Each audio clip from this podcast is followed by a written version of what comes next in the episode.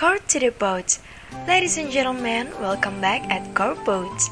The Indonesian Corrosion Association at ITS presents a student chapter podcast that provides information about corrosion and all things about campus life. Enjoy!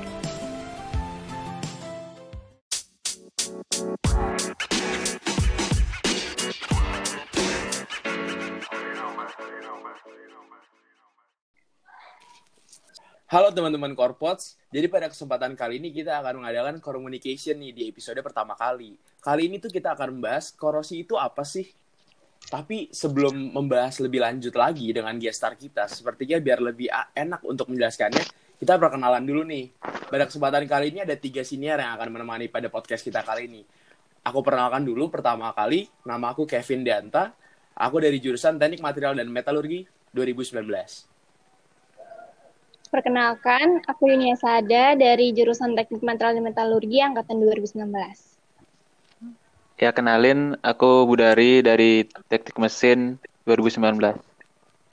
Oke, jadi kita bertiga ini akan menjadi senior pada podcast kali ini. Kalau dari Budari sama Yunia, kira-kira hari ini tuh kita mau ngapain sih? Kok kayaknya asik banget nih ada gestar yang bakal nemenin kita, terus ngasih wawasan-wawasan buat kita nih kayaknya nih. Jadi di podcast kali ini kita bakal bahas-bahas tentang korosi secara umum nih dan pandangan mengenai korosi pada lingkungan kerja kita, terutama kita nih Vin yang ada di lingkungan teknik material dan metalurgi. Ya, benar banget tuh kata Yuni ya. Wih, asik banget nih pasti gitu. Apalagi kita dapat pemateri yang udah cukup berpengalaman dan memiliki jabatan yang luar biasa di salah satu student chapter yang membahas tentang korosi itu sendiri ya. Bener banget, Vin. Oke. Mungkin daripada kita ngomong lebih lanjut, lebih alangkah lebih baiknya langsung kita panggilkan aja nih pemateri kita pada kesempatan kali ini yang akan menambah wawasan kepada kita nih. Perkenalkan mungkin untuk gestar dipersilahkan untuk akan diri terlebih dahulu untuk Mas Geraldi Raffi. Oke. Makasih buat Mas Kevin, Mbak Yunia, sama Mas Made Budari buat sambutannya. Kayak spesial banget tadi sambutannya. Jujur dari aku sendiri ya biasa aja. Mungkin di sini teman-teman perkenalkan nama aku Geraldi Raffi, biasa dipanggil Geri dari Teknik Material. Alhamdulillah di sini aku diamanahi um, menjadi presiden dari Indokor TSSC periode 2020-2021. Harapannya jadi di podcast kali ini ya bisa sharing-sharing aja. Aku juga bukan expert aku juga bukan orang yang udah terjun langsung tapi di sini uh, aku berharap kita bisa dapat pengetahuan atau wawasan yang mungkin sekiranya teman-teman pengen cari gitu di podcast ini itu aja sih Oke, makasih untuk Mas Geraldi Raffi untuk perkenalannya ya. Mas Geraldi ini merupakan presiden dari Indokor ITS Student Chapter. Benar banget. Oke, mungkin untuk Budarian Yunia kayaknya udah mempersiapkan beberapa pertanyaan nih tentang korosi nih kayaknya. Mungkin untuk Mas Budari atau Mbak Yunia boleh dipersilahkan untuk menanyakan beberapa pertanyaan yang sudah disiapkan. Ya, mungkin dari aku ya. Gini nih Mas, uh, siapa nih enaknya dipanggil? Geraldi, Gary, atau gimana nih Mas? Biar enak aja. Gary, Gary aja ya? Gary. Apa? Iya, nama panggilan. Siap Mas. Jadi sebenarnya kita nih masih awam gitu Mas. Dari apa sih sebenarnya ada uh, ada apa ya? Dari korosi itu sendiri itu apa secara umum gitu Mas? Tolong dikenalin dong kepada pendengar-pendengar podcast Korpot ini biar istilahnya pendengarnya itu bakal dapat insight-insight baru gitu Mas. Oke. Jadi uh, sesuai dengan judulnya ya memang ya apa namanya mungkin uh, pengenalan lebih terkait korosi. Tapi sebelumnya di sini aku uh, mohon maaf apabila buat para pendengar nih nantinya yang misalnya nggak uh, bisa kecap atau uh, beberapa ada beberapa istilah yang ribet atau gimana. Tapi di sini aku berusaha buat bisa ngejelasin korosi itu buat teman-teman semua walaupun teman-teman nggak punya basic teknik kayak gitu. Jadi uh, harapannya tetap bisa paham penjelasan korosi dari aku kayak gitu. Jadi uh, secara simple, secara garis besar, korosi itu adalah sebuah proses kerusakan atau degradasi yang terjadi pada suatu material akibat interaksi dengan lingkungannya.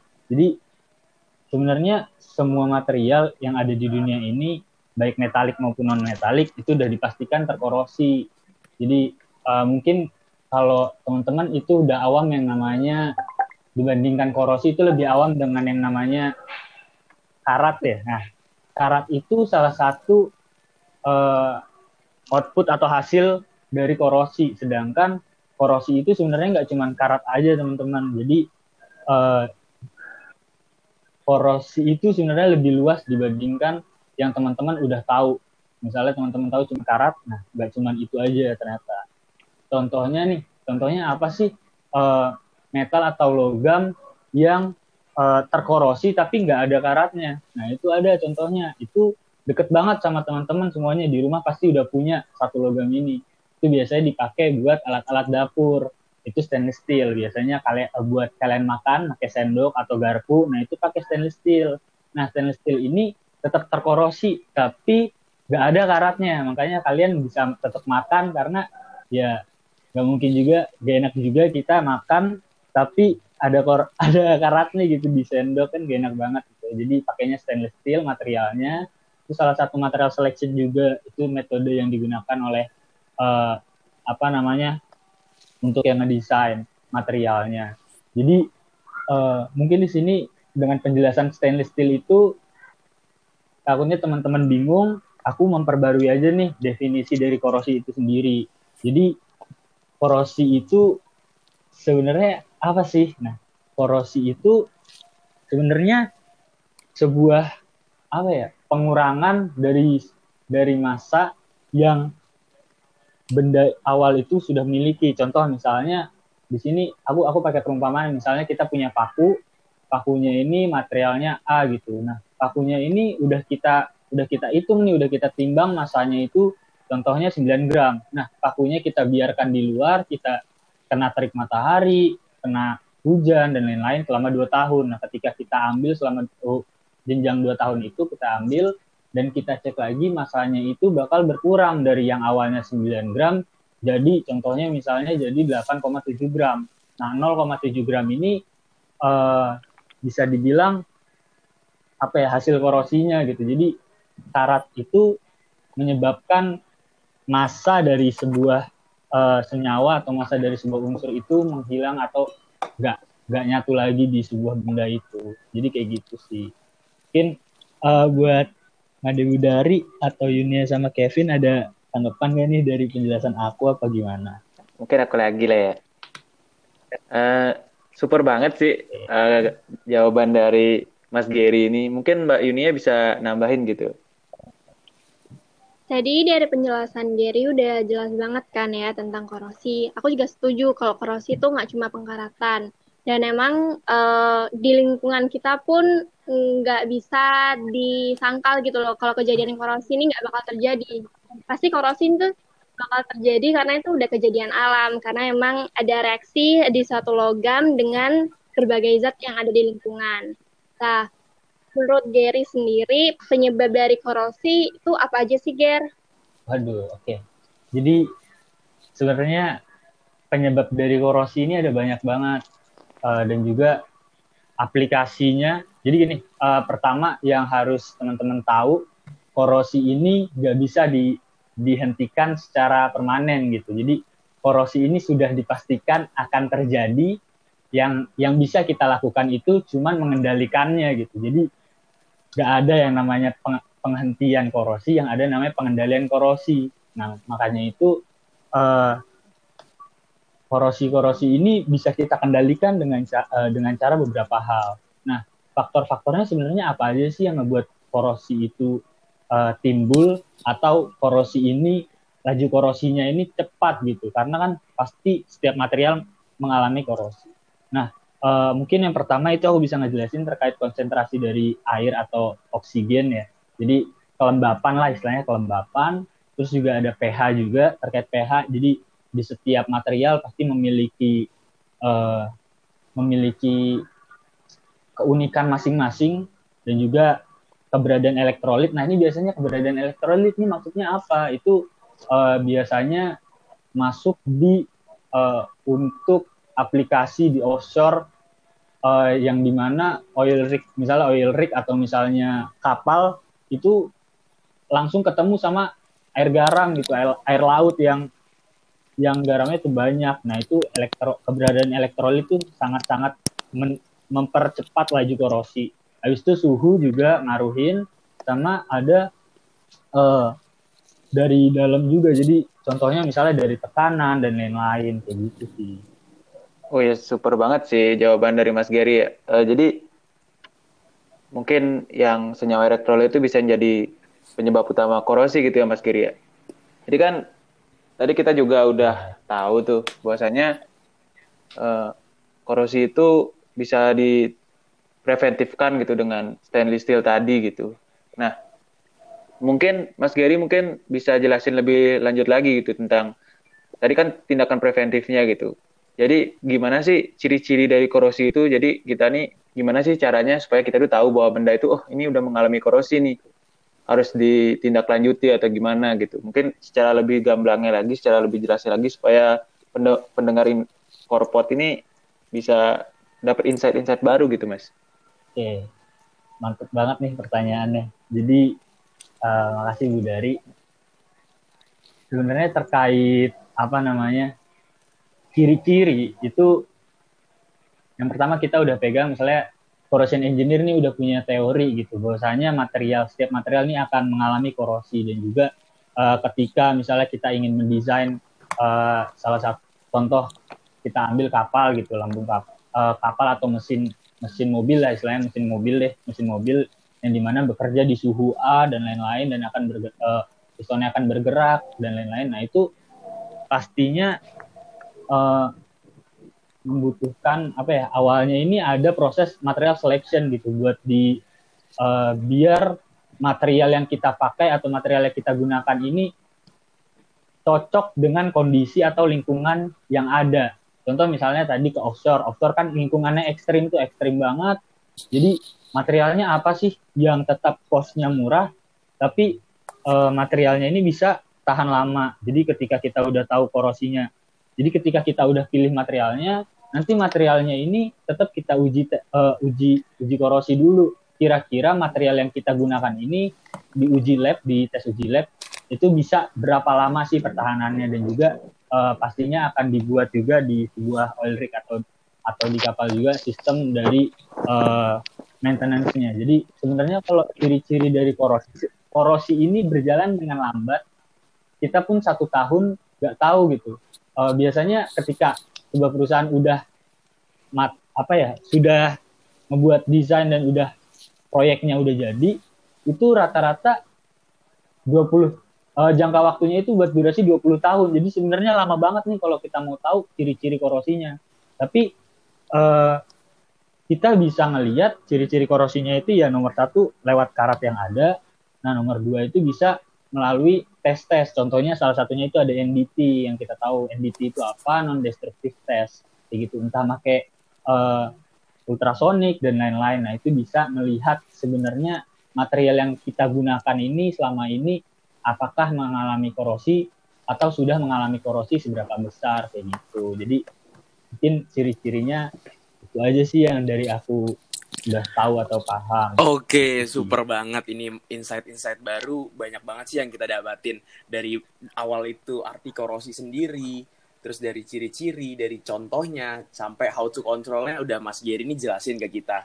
Sebelumnya kami dari Indokor di Student Chapter dari aku sebagai senior dan juga Budari dan juga Yunia mengucapkan terima kasih banyak untuk Mas Geri udah mau bercerita sharing-sharing sama teman-teman okay. korpots di sini semoga apa yang udah Mas Gary jelaskan kepada kita nih menjawab banget dari tema kita yaitu korosi itu apa sih. Terima kasih banyak buat Mas Gary. Mungkin dari teman dari Yunia atau Budari bisa memberikan kesimpulan mungkin ya dari yang udah dijelasin dari Mas Gary tadi yang udah amat jelas banget dan super banget nih materinya nih. Uh, Oke. Okay. Mungkin dari Mbak Yunia tadi ada pesan mungkin. Uh, kalau dari aku tadi setuju sih sama yang Gary kalau ciri-ciri korosi ini nggak bisa dilihat dalam waktu yang dekat. Contohnya ini ada pernah dengar nggak gedung yang ambruk di Selipi? Itu kan karena memang dalam waktu yang durasi cukup lama karena ada tetesan air, jadi menyebabkan korosi. Terus ternyata juga di dalamnya ada karbon, baja karbon yang rendah yang juga mendukung terjadinya korosi itu. Terus korosi ini benar kata Gary kalau uh, apa ya nggak bisa kita sangkal gitu loh. Cuman kita bisa minimalisir dengan upaya-upaya preventif kayak gitu. Oke, hmm. kalau dari Mas Budari gimana kira-kira ada hmm. juga nggak ditambahan atau udah dicukupkan nih? Hey. Mungkin aku nambahin dikit ya kesimpulan aja gitu sebenarnya. Biasanya tadi setuju banget sama Mas Gary sama Mbak Yunia gitu tentang korosi. Ya mungkin ya aku kan mesin ya jadi secara umum aja gitu. Dan tadi udah dijelaskan nih sama expert-expertnya dari Mamet gitu, material dan metalurgi, TS gitu yang top banget dah jurusannya tentang perkorosian ini gitu. Jadi ya mungkin aku setuju aja sih dari korosi itu apa, habis itu penyebabnya apa, cara tindakan preventifnya apa, dan lain-lain yang udah overall udah dijelasin gitu sama Mbak Yunia dan Mas Gary terutama sebagai gestar kita gitu Mas Kevin. Jadi Mas Kevin mungkin ada tambahan terima met juga kan? Oke, okay, kalau dari aku sih sejauh ini yang udah dijelaskan dari awal dari korosi awal terjadi korosi itu dari proses elektrokimia dan juga tadi itu sama seperti mungkin kalau biasa dibilang itu sebagai karat itu udah menjawab banget sih Semoga teman-teman dari yang apa udah dijelaskan dari Mas Geraldi dan juga diberi kesimpulan dari kita-kita nih bisa menambah insight baru lah. Tapi by the way ini baru episode pertama kok udah asik banget ya kayaknya ya. Topiknya ini udah in banget gitu. Iya, udah panas banget nih. Udah panas banget nih communication iya. di episode pertama ini. Jadi iya. gak sabar nih, kira-kira kapan sih bakal keluar nih episode keduanya nih? Iya, mungkin uh, teman-teman yang pendengar Korpots ini bisa tidaknya pantengin aja ini Instagram kita gitu di Indokor ITSSC gitu. Jadi di sana bakal ada istilahnya info-info baru gitu tentang apa aja gitu. Terutama Bener ya banget. episode kita ini gitu kan, Korpots gitu. Atau kalau dari teman-teman ada mau penasaran, mau request temanya ini dong, temanya ini dong, bisa banget komentar langsung di kolom komen di Instagram kita di Indokor ITSSC bisa langsung dan kita bakal pertimbangin lagi tuh. Kalau misalnya emang menarik banget atau bisa request gestarnya ini dong. Gestarnya siapa dong? Bisa banget ya teman-teman ya. Jadi kita buat Korpots ITS Student Chapter dari Indokor ini bisa semakin berkembang dan juga bisa semakin memberikan insight-insight buat teman-teman terutama buat corrosion lover semuanya. Oke, mungkin untuk podcast kali ini bisa iya, kita iya. cukupkan dengan insight-insightnya. Diharapkan tidak bosan-bosan nih. Besok tetap pantengin terus dan ajak teman-temannya untuk dengerin dan follow juga nih dari podcast Indokor ITSSC di Spotify. Oke, okay, okay. untuk podcast hari ini kita bisa akhiri. Aku Kevin Danta pamit undur diri. Aku Yunia Sada pamit undur diri. Aku dari juga pamit dan terima kasih banyak untuk Gary yang udah meluangkan waktunya. Oke, makasih, makasih banget nih dari sinyalnya. Oke, -keren makasih buat semuanya. Sampai jumpa di Communication episode selanjutnya. Bye-bye. Dadah. Dadah.